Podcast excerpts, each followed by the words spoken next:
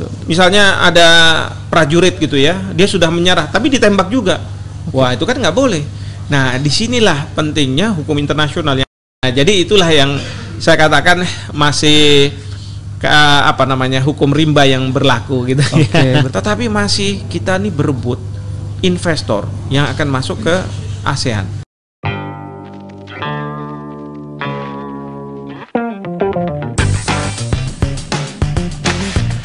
Yo, hello, welcome back to podcast Antara Again bersama saya Muzdafar di program Berisik, Berita Asik.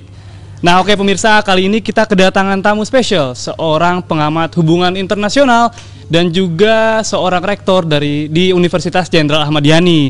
Oke, langsung aja Prof. Hikmahanto Juwana. Prof, apa kabarnya, Prof? Sehat Mas Mos? Eh, Prof, aktivitasnya akhir-akhir ini ngapain aja nih? Banyak sih. Hmm. Eh, kan kita sekarang di Universitas Jenderal Ahmad Yani sedang membangun. Jadi banyaklah pembangunan gedung-gedung yang baru. Insya Allah eh, ada tiga gedung yang antara Februari Mei akan bu- eh, apa namanya terbangun akan selesai. Lalu kedua ada latihan dasar kedisiplinan dan kepemimpinan.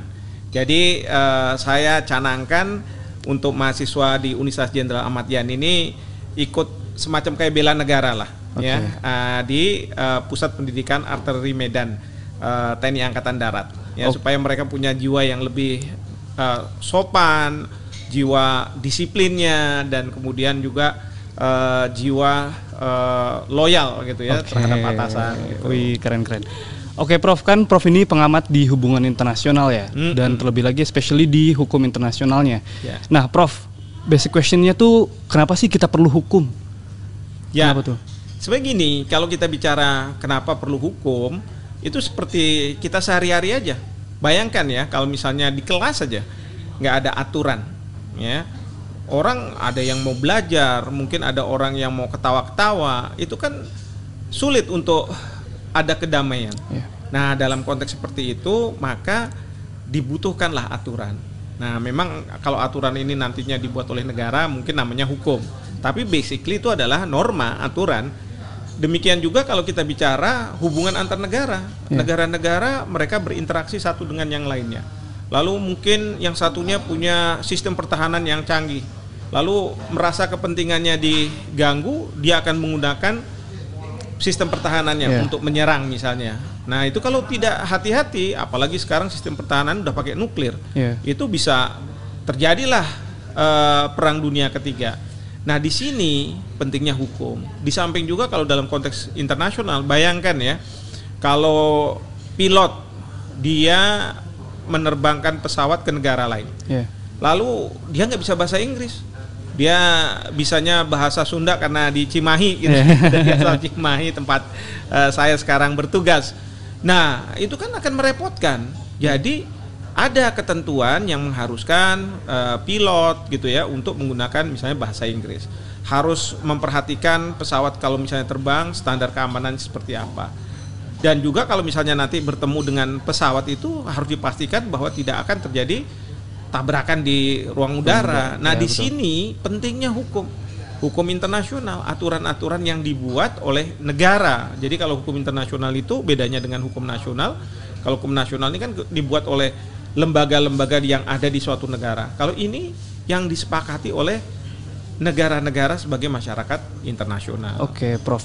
Nah, di hukum internasional sendiri juga kan ada beberapa concern. Salah satunya itu di isu di isu kemanusiaan nih, Prof. Betul. Nah, hukum internasional sendiri memandang isu kemanusiaan itu seperti apa sih, Prof? Oh sangat sangat luar biasa. Karena apa? Pertama ya, sejak dulu munculnya hukum internasional itu, Ya. ini sudah dipikirkan, ya Eh, masyarakat antar negara ini bisa melakukan perang Ya. dan masyarakat antar negara bisa dalam situasi damai mereka bisa bekerja sama. Nah dalam konteks perang itu kalau tidak ada aturan itu kan bahaya. Ya, betul. Misalnya ada prajurit gitu ya, dia sudah menyerah, tapi ditembak juga. Wah itu kan nggak boleh.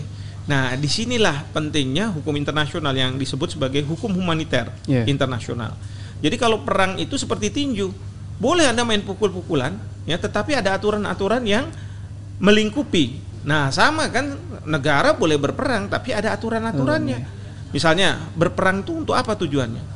Kalau tujuannya untuk agresi, sekarang udah nggak boleh lagi. Iya, betul. Tetapi kalau misalnya dia berperang dalam rangka mempertahankan diri, boleh. Kalau dia berperang atas mandat dari Perserikatan Bangsa-Bangsa, boleh. Nah, seperti itu kan harus ada aturan. Iya. Tapi itu kalau misalnya dalam kondisi perang, Perang, ya, iya. antar negara eh, terjadi konflik bersenjata. Tapi bisa juga dalam kondisi damai.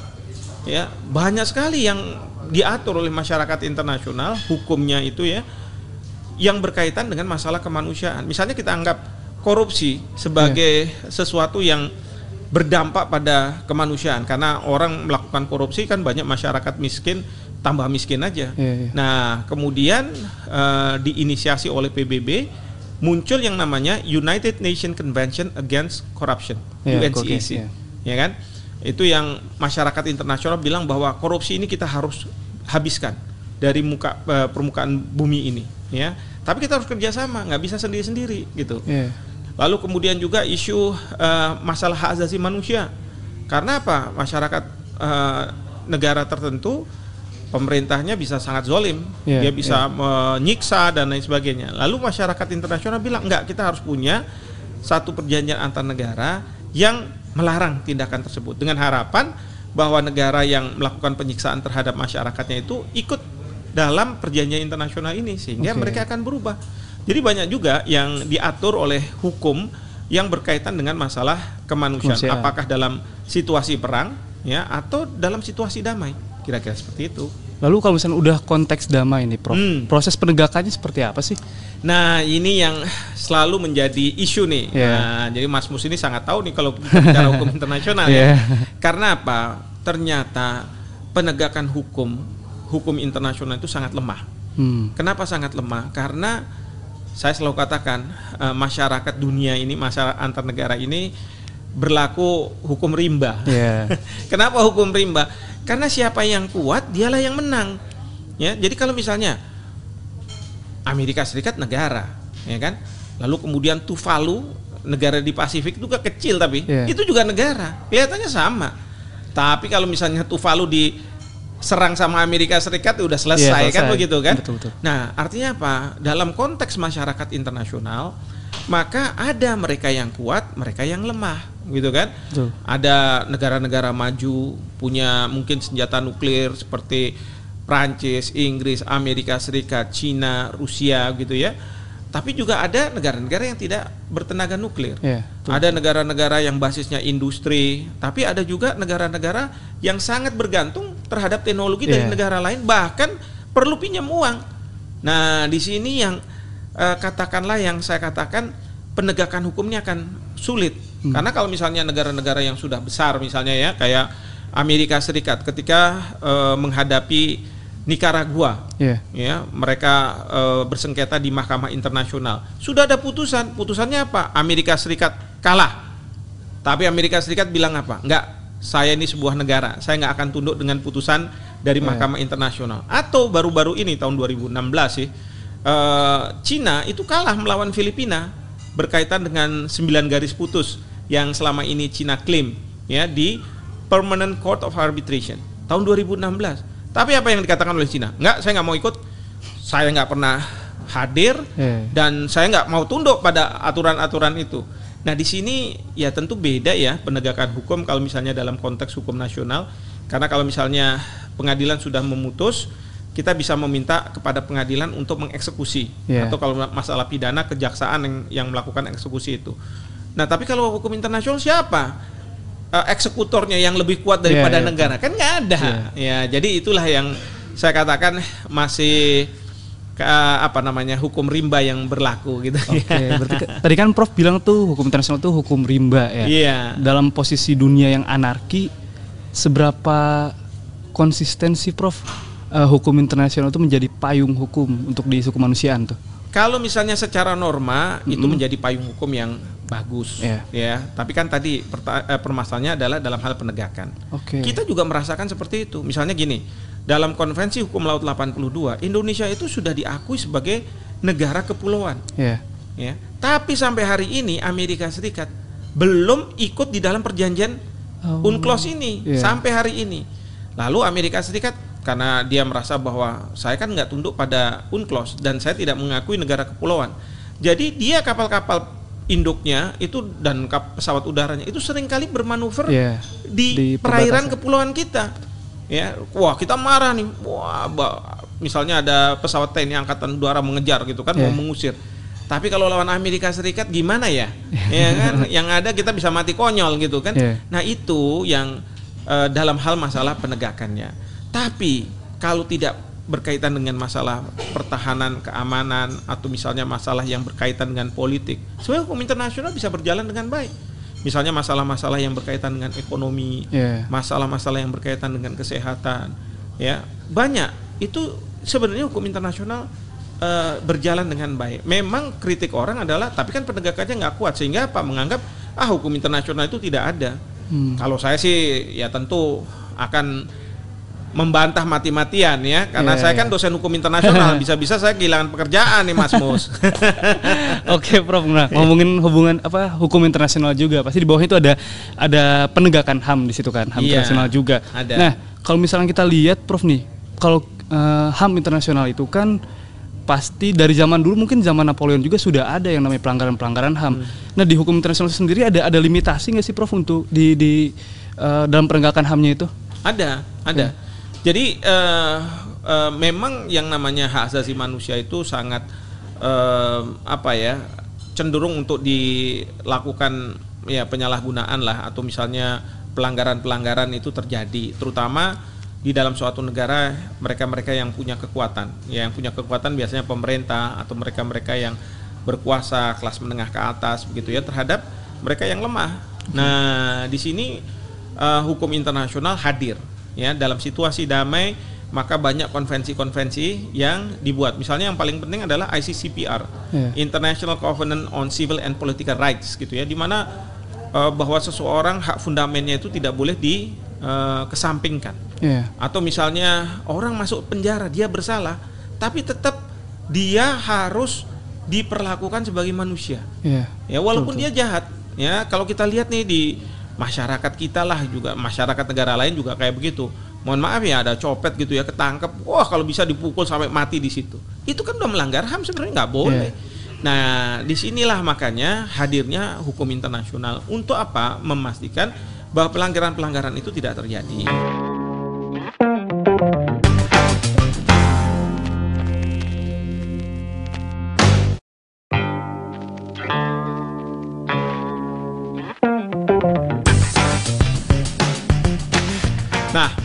Bagaimana kalau misalnya terjadi? Bisa melakukan komplain. Hmm. Kalau di Perserikatan Bangsa-Bangsa itu ada yang namanya Dewan HAM PBB. Oke. Nah, di situ bisa disampaikan ya, kalau misalnya uh, negara memperlakukan warga negaranya secara tidak patut gitu ya, uh, melanggar HAM, maka LSM-nya bisa saja melak- melakukan uh, laporan, Laporan. ke Dewan HAM PBB dan nanti di Dewan HAM PBB negara itu harus dimintakan pertanggungjawaban gitu Iya, ya. betul. Tapi jangan anggap ya yang lemah itu selalu tidak melanggar HAM. Enggak. Ini misalnya kita tahu ya, mohon maaf ya di Papua itu kan ada OPM. Dia melakukan penembakan-penembakan terhadap orang sipil. Coba bayangkan orang sipil bekerja ditembak sama dia. Waduh, iya iya. Ya kan? Itu kan nggak boleh. Ya kalau misalnya OPM karena dia berperang, katakanlah misalnya dia merasa berperang mengangkat senjata, ya harusnya berhadapan dengan misalnya TNI kita. Ya itu oke. Tapi ini nggak masyarakat sipil ditembak. Atau misalnya TNI yang sedang eh, tidak eh, apa tidak bertugas juga ditembak. Itu yang nggak boleh. Iya. Nah ini merupakan pelanggaran HAM Hmm. ya dan kalau udah kayak begini ini ya namanya tindakan terorisme karena Iya. kenapa saya sebut sebagai tindakan terorisme karena memang kalau para pelaku teror itu dia nggak melihat siapa yang di depannya dia mau dia tentara mau dia polisi bahkan orang sipil ya dia lakukan ya kan pembunuhan terhadap dirinya sendiri yang berakibat pada matinya orang-orang sipil yang tidak uh, Iya, berdosa, berdosa. misalnya ya itu kan menurut saya nggak boleh kayak begitu itu nah ini yang kemudian hukum internasional hadir gitu mas Oke, Prof. Nah, kita kan tadi udah ngebahas nih tentang hukum internasional ya. Hmm. Eh, kita loncat ke topik lain yang hektik sekarang itu tentang presidensi G20. nih. Nah, Indonesia itu kan ditunjuk sebagai presidensi G20 Iya. pada saat pandemi. Menurut Prof itu tantangan atau peluang bagi Indonesia? dua-duanya tantangan sekaligus peluang. Karena apa? Kalau kita bisa menaklukkan tantangan ini, berarti kita mendapatkan banyak sekali peluang. Oke. Ya kan?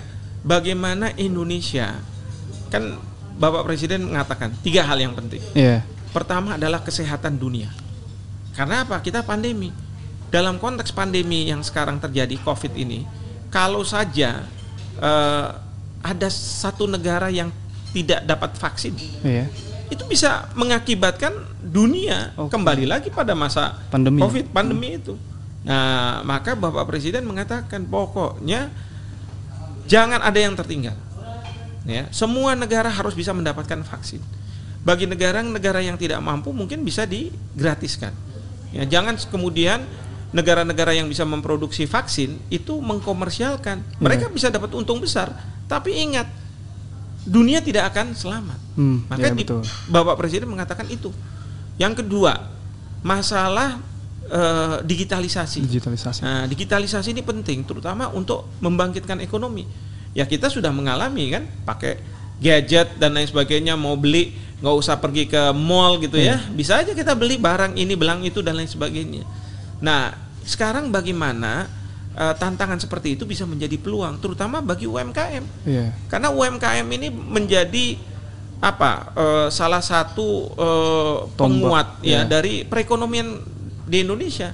Nah ini yang Indonesia ingin bahwa di negara-negara lain juga bisa melakukan hal yang sama, menguatkan UMKM-nya dengan adanya eh, digital, Ya. jadi transformasi ke digi- digitalisasi ini. Yang ketiga berkaitan dengan masalah lingkungan hidup, ya bagaimana eh, jangan sampai apa bahan bakar fosil itu terus-terusan kita pakai, Oke, ya. ya sehingga apa nanti kalau udah habis terus kemudian kita bergantung mau Ya. hidup dari apa? Jadi kita harus berpikir. Nah sekarang Indonesia sedang menggiat menggiat-giatkannya ini masalah misalnya mobil listrik dan Listrik, sebagainya. ya, betul. Saya di Universitas Jenderal Ahmad Yani saya bilang sama dosen saya, saya bilang sama mahasiswa saya, eh kalau kamu buat itu ya, judahlah jangan mobil-mobil. Kalau mobil-mobil universitas-universitas yang hebat-hebat itu yang sudah di depan Universitas Jenderal Ahmad Ya. Yani gitu ya, itu pasti jago. Sekarang kita buat apa? Ambulans. Kenapa ambulans, Bro? Iya. Karena kan kita punyanya angkatan darat nih Ya. Universitas Jenderal Ahmad Yani. Kalau kita bisa buat ambulans yang bertenaga listrik dan ambulans itu bisa mengangkut katakanlah prajurit-prajurit yang katakanlah sakit di perbatasan ke rumah sakit Rumah sakit. terdekat itu kan jauh tuh Iya, sebenarnya iya, ya kan. betul, betul. Kalau pakai BBM kan kita eh, apa namanya sangat bergantung pada ya pom bensin dan lain. Iya. Tapi kalau kita pakai listrik, mungkin mobil itu juga bisa menyerap pagi hari tenaga surya, ya Iya, kan? betul. Nah, ini yang kemudian saya bilang harus ada inovasi. Kalau misalnya nanti TNI Angkatan Darat pakai ini, mudah-mudahan saya bilang Pemda-pemda yang ada di seluruh Indonesia, nah, kita nggak bisa bicara yang di Iya. Jakarta yang udah udah canggih gitu ya.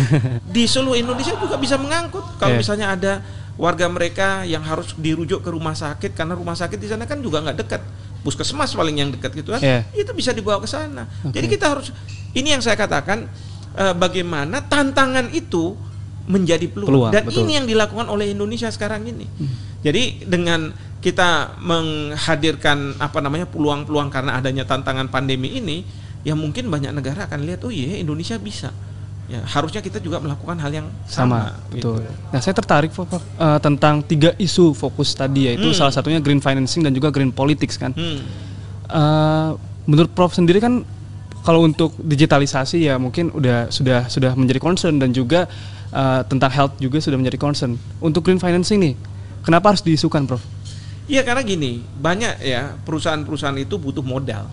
Nah, seandainya mereka butuh modal, bank itu bisa bisa mensyaratkan, boleh kamu dapat modal dari kami, pinjaman dari kami. Syaratnya ada apa? Kamu harus ramah terhadap lingkungan, industri yang kamu bangun. Kan bisa mempercepat kalau Iya, kayak begitu kan? betul, betul. Bagus gitu. Ya. Nah, ini yang memang arahnya sih ke sana. Green Oke. financing itu jadi pembiayaan yang eh, memberikan perhatian kepada masalah lingkungan, Lingkungan, hidup. ya. Nah, kira-kira. Terus isu kedua yang diangkat oleh presiden juga yaitu digitalisasi nih, Prof. Hmm. Nah, kalau misalnya kita lihat dari sisi hukum internasional ada nggak nanti kemungkinan hukum internasional itu akan bergeser karena digitalisasi ini? Pasti. Sekarang aja jadi masalah. Ambil contoh ya, kita ini bisa eh, memesan barang dari luar Indonesia, Indonesia, ya. langsung ke negaranya, peer to peer gitu kan. Ya. Nah, sekarang kalau misalnya kita merasa tidak suka dengan barangnya, boleh nggak dikembalikan? Katakanlah boleh, aturannya mana? Oh, iya, kalau pakai undang-undang perlindungan konsumen di Indonesia kan nggak berlaku di sana di Iya. negara asalnya. Betul, ya kan? betul. Nah ini masyarakat internasional harus berpikir mengenai masalah ini. Karena apa? Ini eh, peradaban, kemajuan peradaban yang berdampak pada eksistensi dari hukum internasional. Kita udah nggak seperti zaman-zaman dulu lagi. Ya, nah di sinilah pentingnya nih hukum internasional dengan adanya digitalisasi.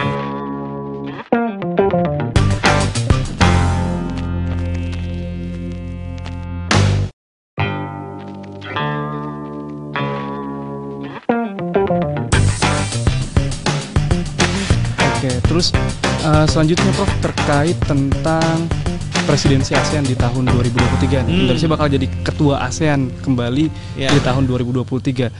Pandangan Prof nih, isu seperti apa sih yang harus difokuskan oleh Indonesia? Saya kalau misalnya lihat yang paling pertama yang harus difokuskan itu masalah Myanmar.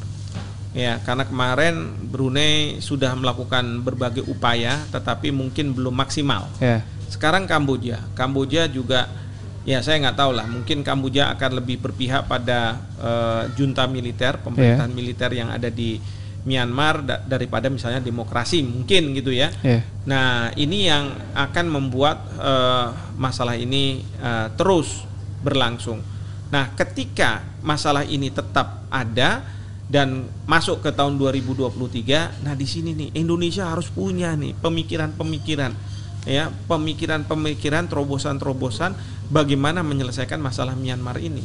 Karena kalau misalnya Myanmar ini tidak selesai, Pertama adalah negara-negara di antara ASEAN ini bilang, lalu buat apa kita punya lembaga organisasi eh, apa namanya eh, kawasan ini? Ya. Yang kedua mungkin juga negara-negara lain ini punya ada organisasi kawasan tapi tidak bisa menyelesaikan masalah yang ada di kawasan, ya, ya kan? Ini kan jadi tantangan. Nah ini yang makanya sejak sekarang walaupun kita belum pegang presidensi itu eh, para birokrat yang ada di Kementerian Luar Negeri dan kementerian lainnya harus sudah mulai memikirkan bagaimana menyelesaikan masalah masalah Myanmar ini sehingga ketika kita memegang presidensi nanti itu tidak menjadi PR yang kita akan limpahkan ke ketua yang baru begitu Iya. kita harus bisa selesaikan pada masa Indonesia kira-kira seperti itu. concern lainnya kira-kira apa gitu Prof?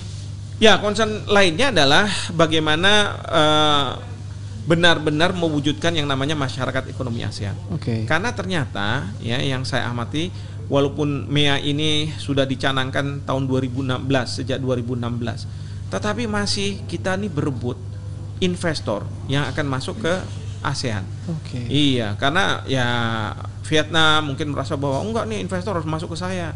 Terus kemudian juga Thailand gitu ya. Ya kita juga demikian juga. Makanya kita punya undang-undang eh, cipta tenaga kerja itu eh, kita ingin investor mau masuk ke Indonesia.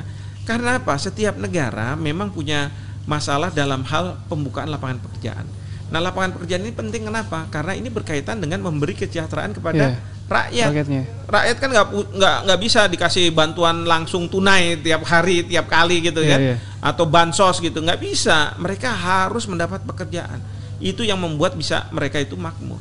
Nah jadi pemerintah sekarang sedang berupaya untuk bagaimana membuka lapangan pekerjaan itu. Tapi pada saat yang bersamaan pemerintah-pemerintah negara ASEAN pun punya masalah yang sama. Sehingga apa? Kita berebut Nah, ini sekarang bagaimana kita bisa sama-sama sebagai negara ASEAN bahwa iya ASEAN sebagai tempat berproduksi tapi jangan berebut. Nah, ini yang menjadi Iya. tantangan bagi kita. Ya. Terus terang saya juga kadang-kadang eh, agak ngomel sih. Eh, karena apa? Kita paling banyak di ASEAN ini jumlah penduduknya eh, sekitar 270 juta. Kalau misalnya dari 600 juta 60 660 juta rakyat di ASEAN, itu hampir setengahnya loh kita. Artinya apa? Kalau jumlah penduduk besar itu biasanya menjadi pangsa pasar yang besar. Menjual barang tuh bisa laku, wah dapat untungnya besar kan Oke. gitu. Tapi kok nggak membuka lapangan pekerjaan di Indonesia? Maunya saya, iya kita menjadi pangsa pasar besar, tapi berkorelasilah dengan lapangan pekerjaan. Jangan kemudian kita pasarnya besar, tapi yang dapat pekerjaan ya mereka yang di Thailand, mereka yang di Vietnam, yang mereka yang di Kamboja. Karena apa? Investor datang ke sana, kalau sudah datang ke sana, nanti mereka menjual barangnya ke Indonesia karena ini tanda kutip ya Iya. masuk kategori made in Malaysia atau made in Thailand atau made in Kambodia gitu, maka mereka berhak atas uh, apa uh, keringanan uh, apa namanya biaya masuk. Biaya masuk, ya. Cuma 0 sampai 5 persen, karena itu yang diperjanjikan antar negara-negara ASEAN. Iya, iya. Nah kalau kayak begitu caranya, wah kita jadi pangsa pasar aja tanpa Iya. kita bisa memberikan lapangan pekerjaan. Pekerjaan, nah betul. maunya saya kita fair, ya kan? Jangan eh, negara-negara ASEAN mengeksploitasi pasar Indonesia, Iya. sementara lapangan pekerjaan kita tidak ada, gitu. Ngomongin isu tentang Myanmar juga nih, Prof. Eh, kan di ASEAN sendiri ada prinsip namanya ASEAN Way, non intervention Hmm. kan. Seberapa yakin Indonesia bisa eh, istilahnya menyelesaikan kasus di sana ketika Iya. presidensi? memang non intervensi lalu kemudian harus keputusan dibuat secara konsensus Iya. gitu kan kalau konsensus kalau misalnya keputusan tentang Myanmar pasti Myanmar nggak mau dong Iya, kan gitu iya, kan betul, betul. kapan konsensusnya kalau kayak begitu kan nah ini yang harus dipikirkan oleh pemerintah Indonesia saya bilang misalnya gini non intervensi kita bisa aja se- ASEAN membentuk satu eh, angkatan perang katakanlah gitu tapi ya semua harus ikut masuk jadi kayak apa namanya multinational forces gitu ya yang kemudian mereka masuk ke Myanmar ya untuk membantu. Tapi ini nggak dianggap sebagai intervensi. Iya. ini yang disebut sebagai responsibility to protect R2P Oke. dan dalam hukum internasional ada. Nah sekarang kita harus berani membuat keputusan seperti itu. Hmm. selama ini cuman ya janganlah nanti dibilang intervensi. Enggak kalau menurut saya. Indonesia pemerintah harus buat ke- keputusan seperti ini. Satu itu. Yang kedua eh, berkaitan dengan konsensus kita bilang pokoknya di mana-mana tuh ya kalau misalnya ada orang yang punya benturan kepentingan konflik of interest dia harus keluar dia nggak boleh ngambil keputusan. Artinya apa? Kita mau menyelesaikan masalah Myanmar. Myanmar nggak boleh dong ikut mengambil keputusan harus keluar. Ya kan? untuk supaya bisa sampai konsensus. Kalau enggak nggak bisa. Itu yang kita harus cari harus kita kejar. Gitu ya. Dan itu yang harus di eh, exercise disimulasikan oleh eh, para birokrat kita ya ketika nanti 2023 ketika kita pegang ketua eh, ASEAN dan masalah Myanmar belum terselesaikan ini yang kita harus jalankan Iya. itu Wow, oke pemirsa, tadi kita sudah berbincang-bincang banyak tentang hukum internasional dan juga terkait presidensi Indonesia dan persiapan presidensi Indonesia di ASEAN di, di tahun 2023 dengan Prof nih. Oke Prof, karena kita ngomongin bahasa eh, hubungan internasional, kita bakal tutup acara ini menggunakan dua bahasa, eh tiga bahasa deh, Oh, tiga Indonesia, bahasa. Jepang dan Inggris. Oke pemirsa, terima kasih untuk waktunya dan kita akan kembali di program berisik ke depannya. Uh, Boku Mustafa Soste, Profesor Hikmahanto des, gosecho arigatou gozaimashita. Don't forget to always watch podcast Antara TV uh, that will be shared on antaranews.com and also Spotify Antara. See you later and bye bye.